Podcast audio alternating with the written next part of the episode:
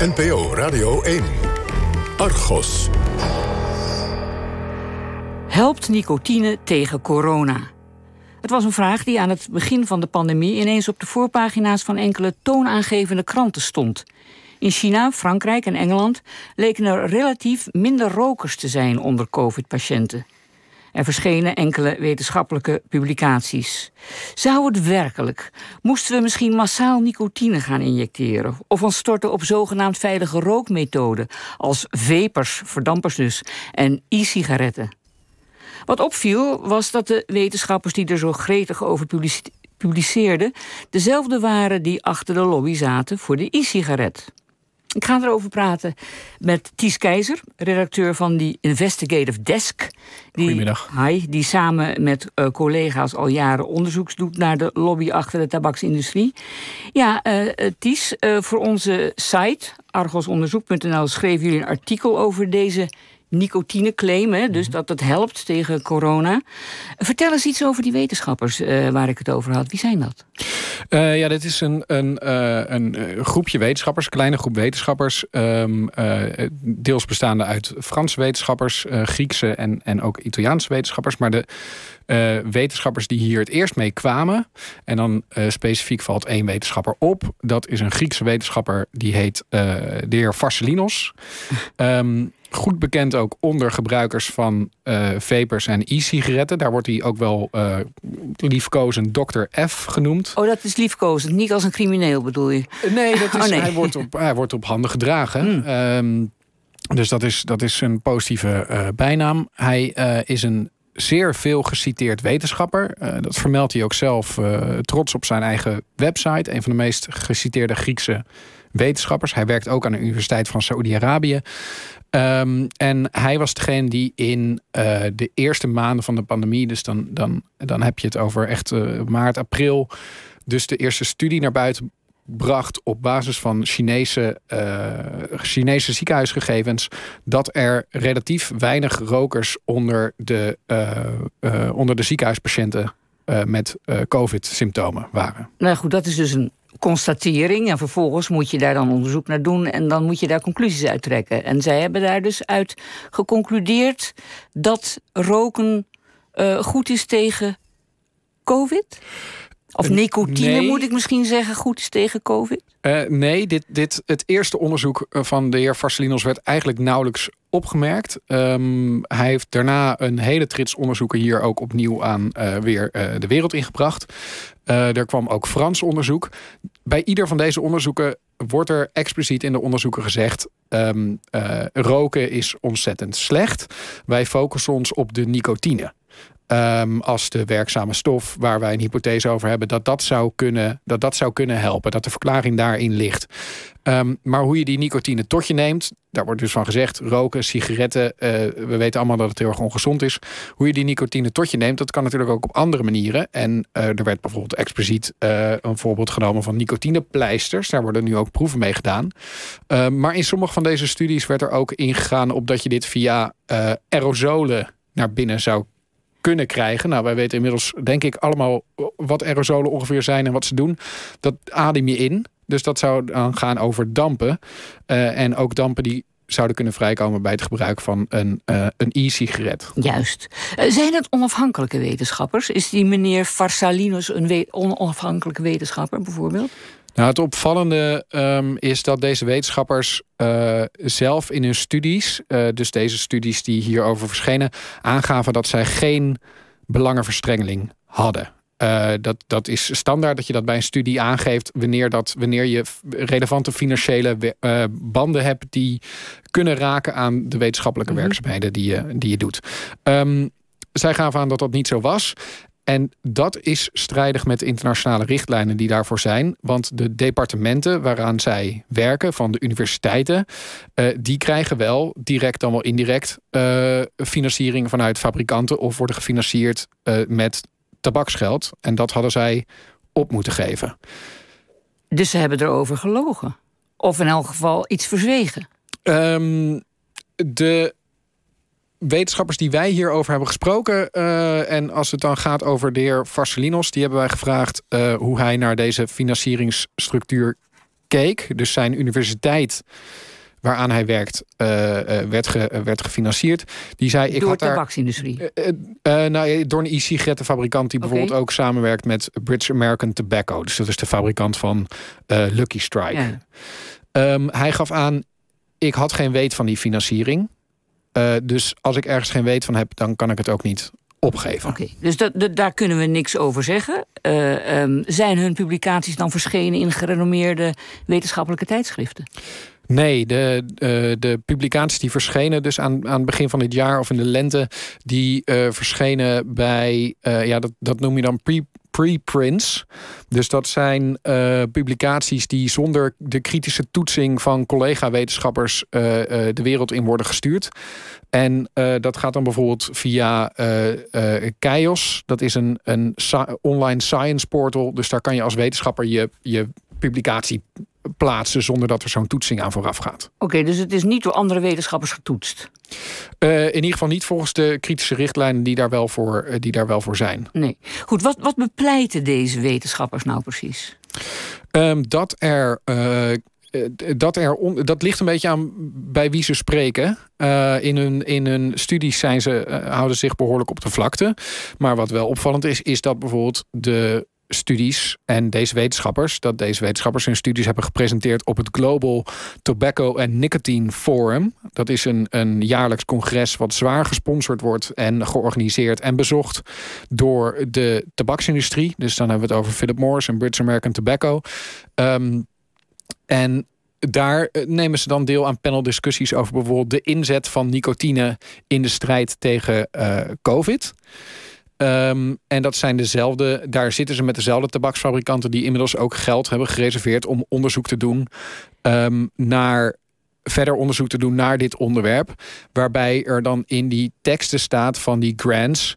Um, dit biedt ook een kans om mensen te laten overstappen, consumenten, naar, van de traditionele e-sigaret naar sorry, van de traditionele sigaret naar de e-sigaret of de vapers. En dat allemaal om de gezondheidsschade inderdaad zoveel mogelijk te beperken. Ja, dan, dan kom je inderdaad bij de harm reduction uh. Harm reduction, dit moet allemaal in het Engels natuurlijk. Maar dat is beperking van de gezondheidsschade. Ja, precies, ja. schadebeperking ja. ja. in het ja. goed Nederlands. En daar zijn deze wetenschappers dus voor. En gek genoeg de tabaksindustrie ook in toenemende mate, heb ik de indruk.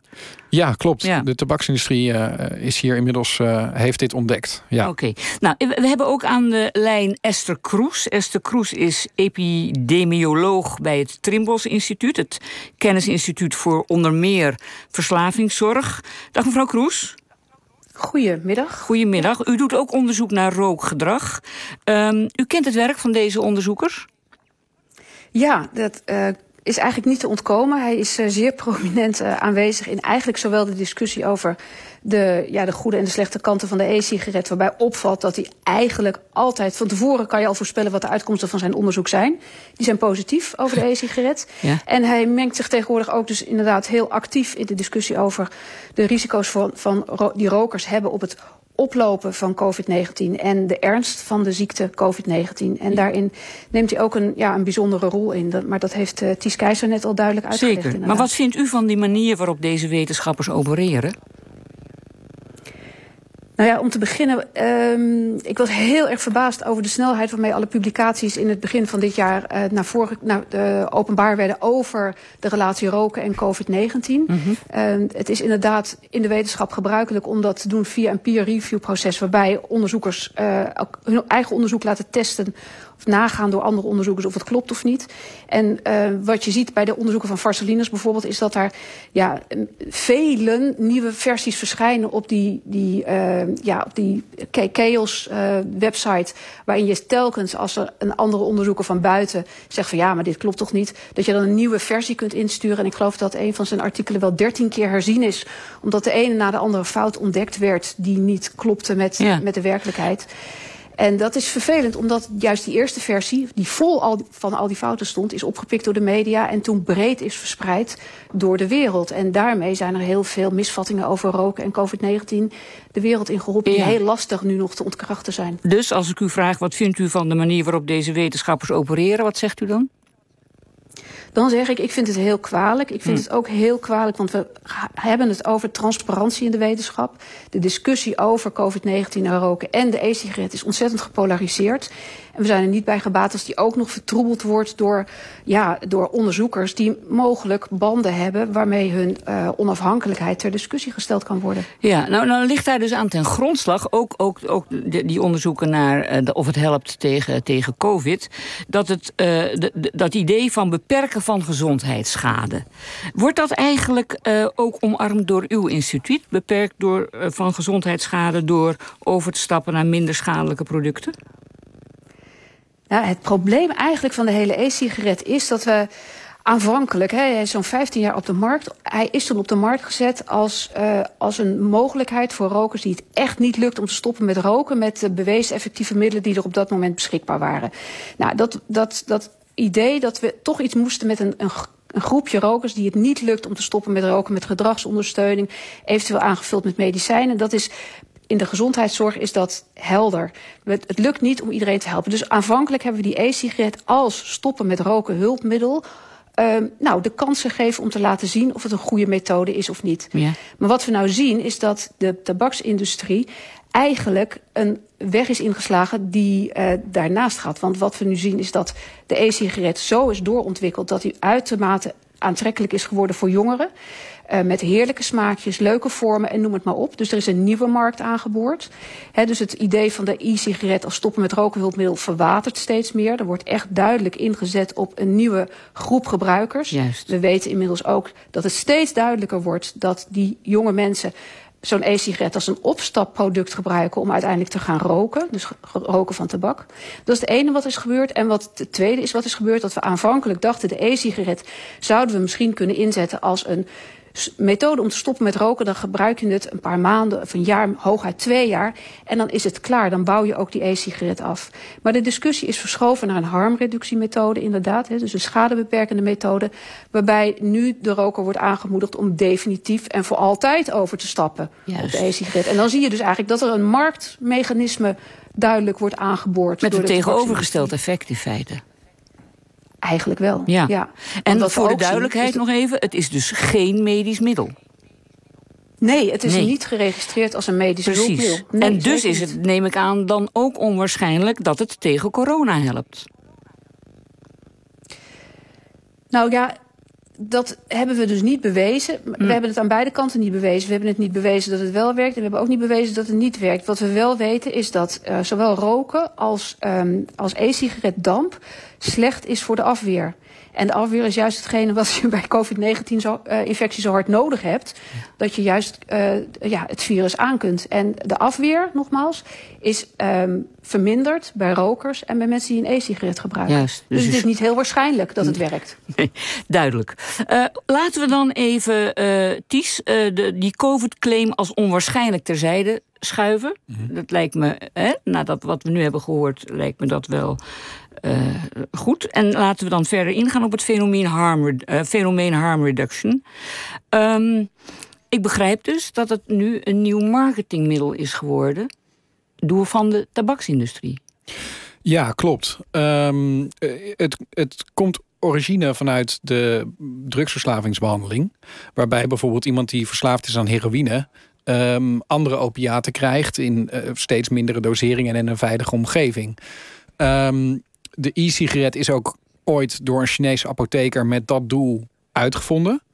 Uh, om dus zijn uh, bezoekers van zijn apotheek met een rookverslaving uh, op die manier langzaam van het roken af te helpen. mevrouw Kroes heeft dat net ook al, mm ook al wat dieper uitgelegd. Um, maar sinds enkele jaren is de industrie, de tabaksindustrie, dus dan heb je het over Philip Morris en British American Tobacco en Japan Tobacco International, um, is hier toch wel echt een marketing tool in gaan zien. Dus die zijn enorm veel producten gaan ontwikkelen. Die producten verschillen ook in bijvoorbeeld nicotinegehalte enorm van elkaar. Je hebt tegenwoordig ook naast de e-sigaretten zogeheten heat not burn. Wat is dat? Ja, een, een, een, een e-sigaret werkt met een uh, cartridge waar een vloeistof in zit. En die vloeistof verdampt. Um, en die vloeistof bevat eigenlijk altijd nicotine, maar zelden of nooit tabak. En Heat Not Burn, dat is een, een, een, ook een, een batterijgedreven apparaatje... waarin wel tabak en in nicotine zit... maar die wordt in plaats van verbrand, wordt die, wordt die verwarmd. En de claim is dan dat dat ook schadeverminderend zou, zou werken. Eerst, eerst werd die ook wel eens de gezonde, het gezonde alternatief genoemd. Nou, dat, dat mag dan niet meer. Hè. Zo mhm. haalt de wetgeving ook altijd weer het product in. Um, maar inmiddels is er zo'n uh, grote schare van producten op de markt in inderdaad ook zoveel, ja, bijna Apple-achtige edities en, en verpakkingen. Um, dat het heel twijfelachtig wordt of het, of het nog wel schadebeperkend uh, bedoeld is. Precies, en, dus, en allemaal om de klanten... die ze door de toenemende anti-rookbeweging uh, in, in, in de wereld... aan het verliezen zijn, om die te behouden. Ja, en laten we even wel wezen, uh, wereldwijd is uh, de tabaksmarkt booming. Het is mhm. nog steeds een van de meest lucratieve industrieën uh, ter wereld. de omzetcijfers van Marlboro in Nederland ook al groeien ieder jaar. Um, maar als je het gaat hebben over we richten ons, en dat, dat is dan de claim ook, hè, we richten ons als fabrikanten, we willen onderdeel zijn van de oplossing. En we richten ons op de roker die niet kan of wil stoppen. Ja. Dat is maar een heel klein deel van de rokers. Dus daar valt geen serieus bedrijfsmodel op te bouwen. Toch nog even terug naar u, mevrouw Kroes. Want de industrie zet daardoor voor dus wetenschappers in. Dat hebben we net hebben we dat besproken. Maakt u gebruik van hun studies? Nou, zolang wij niet weten. Kijk, want de, de, wetenschap is erop gebaseerd dat je dat elk tijdschrift vraagt: heb je belangenverstrengeling? Geef ze op. En dat is ook in elk, uh, elk congresorganisatie vraagt dat ook. Als je een diapresentatie hebt, dan moet je. Een, ja, maar goed, ze hebben, zij hebben dus gezegd nee. Dus, dus uh, kun je daarvan op aan? Ja. Ja, dus daar kan je dan niet van op aan. En dat is natuurlijk heel erg kwalijk, met name in deze discussie die zo gepolariseerd is. Nu hadden we in de e-sigaret-discussie wel al heel duidelijk dat er een, een groep is die een, eigenlijk een fervent voorstander is, waarbij je altijd van tevoren, wat ik net ook al zei, van, van tevoren al weet wat de uitkomsten namelijk zijn. Die zijn jubelend over de e-sigaret. En er is een groep die is altijd negatief. En als uh, wetenschapper die probeert om de voor- en tegens tegen elkaar af te wegen, is het dan heel erg moeilijk kiezen. En dan ben je echt, dan ben je echt uh, moet je weten of iemand spreekt vanuit een be belangenverstrengelingsoogpunt of niet. Dat weten we niet. En dat is natuurlijk heel erg, erg uh, vervelend. Nou hebben we in Nederland wel uh, een aantal uh, onderzoeken onafhankelijk gedaan van, van industrieën en andere belangenverenigingen door het RIVM onder andere.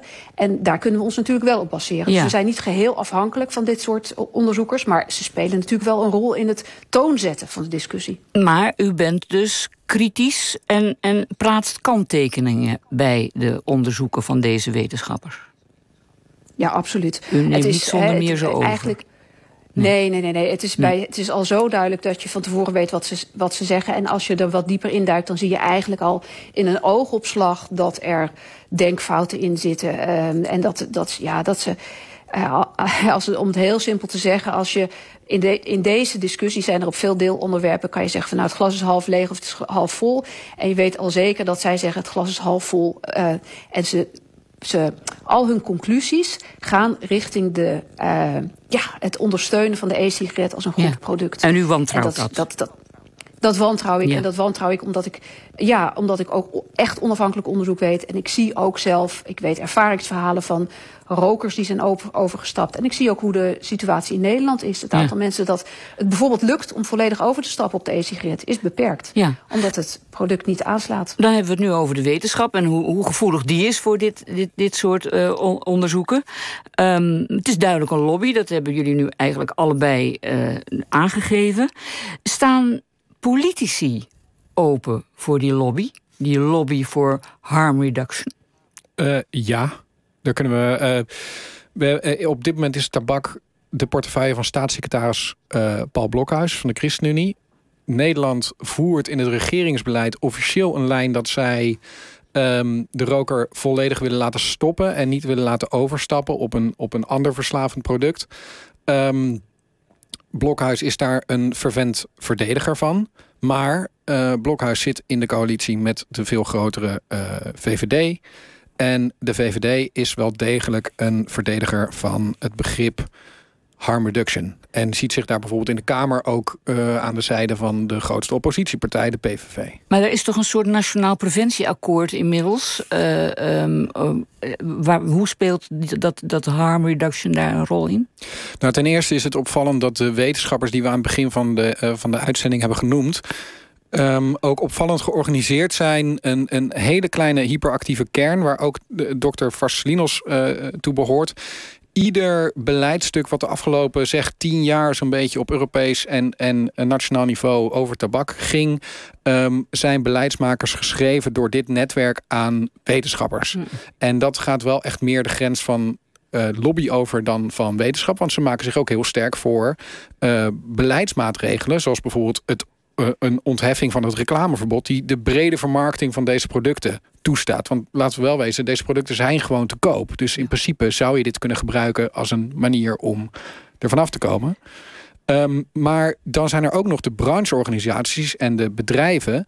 En die weten eigenlijk dit soort studies, maar ook de rapporten waarin deze studies worden, op, eh, worden opgenomen, uh, precies zo naar hun hand te zetten. Omdat ze dan één zinnetje uit een rapport kunnen lichten, soms volledig uit de context gehaald. En dan kunnen ze zeggen, als het, als het RIVM bijvoorbeeld een van deze studies heeft gebruikt, het RIVM vindt.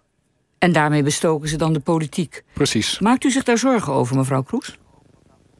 Ja, daar maak ik me heel erg zorgen over. Het is, uh, het is een hele lastige discussie, die hele discussie over de schadelijkheid van de e-sigaret of niet.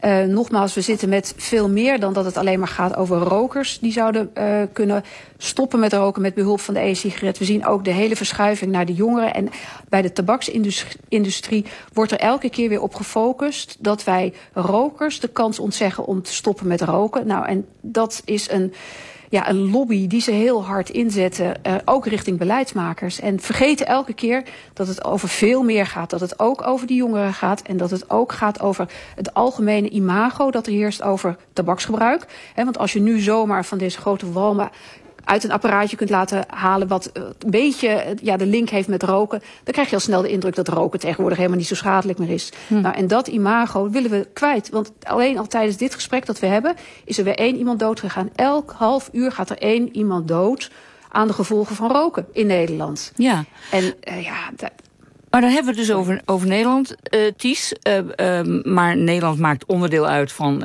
in eerste instantie al de Europese Unie. En daar heb ik toch de indruk dat daar steeds meer tegen de tabakslobby wordt opgetreden. Of is dat niet zo? Sluit Nederland zich daar niet bij aan?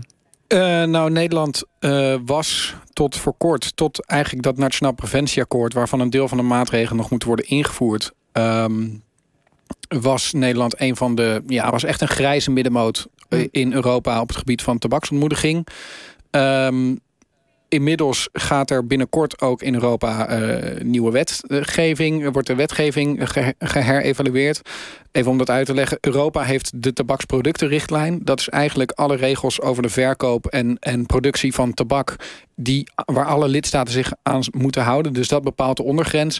En landen kunnen daar individueel nog wetgeving bij bijplussen, feitelijk. Um, Nederland heeft dat bijvoorbeeld gedaan door merkloze verpakkingen voor sigaretten in te voeren. Maar, en dit is dan weer heel interessant, niet voor e-sigaretten voorlopig. En als je als regering een beleidslijn volgt van wij willen die overstap voorkomen. Um, maar vervolgens voer je voor e-sigaretten voor één productgroep die merkloze verpakkingen. Dus dan heb je het echt over die grauwe, groene verpakkingen. Staat niet eens meer die mooie Marlboro V op. Um, en, en zo'n heel groot afschrikwekkend plaatje. Tegenover de, uh, ja, de toch nog wel redelijke Apple-verpakkingen... waar de e-sigaretten voor een deel in worden verkocht. Ja, dat is voor een, voor een consument... wekt dat natuurlijk ook de indruk dat de ene een veel beter alternatief is dan de ander. En voor de wetenschap wordt het ook steeds moeilijker... om door de bomen het bos nog te zien, mevrouw Kroes. Zo is het maar net. En als je echt zou willen dat de e-sigaret als ondersteuning bij het stoppen met roken wordt ingezet, dan zou je het als een geneesmiddel moeten gaan klassificeren. En dat houdt de uh, industrie zelf heel hard tegen. Juist. Goed, dank allebei voor uh, jullie uh, uitgebreide uitleg uh, en aanwezigheid, Ties, van de Investigative Desk en Esther Kroes voor het hangen aan onze lijn, zoals dat heet, epidemioloog bij het Trimbros Instituut. Dank u wel. Het artikel van Ties en zijn collega's kunt u teruglezen op onze site argosonderzoek.nl. Tot zover Argos van deze week. Uh, zo dadelijk op deze zender Hilversum uit met Petra Grijze. En zij komt vanuit Emmen, heb ik mij laten vertellen. En let op, volgende week zijn wij er niet. Want dan wordt het WK-kwalificatietoernooi schaatsen in Heerenveen gereden. Wij zijn er weer op zaterdag 2 juni. Fijne kerst, goede jaarwisseling en graag tot dan.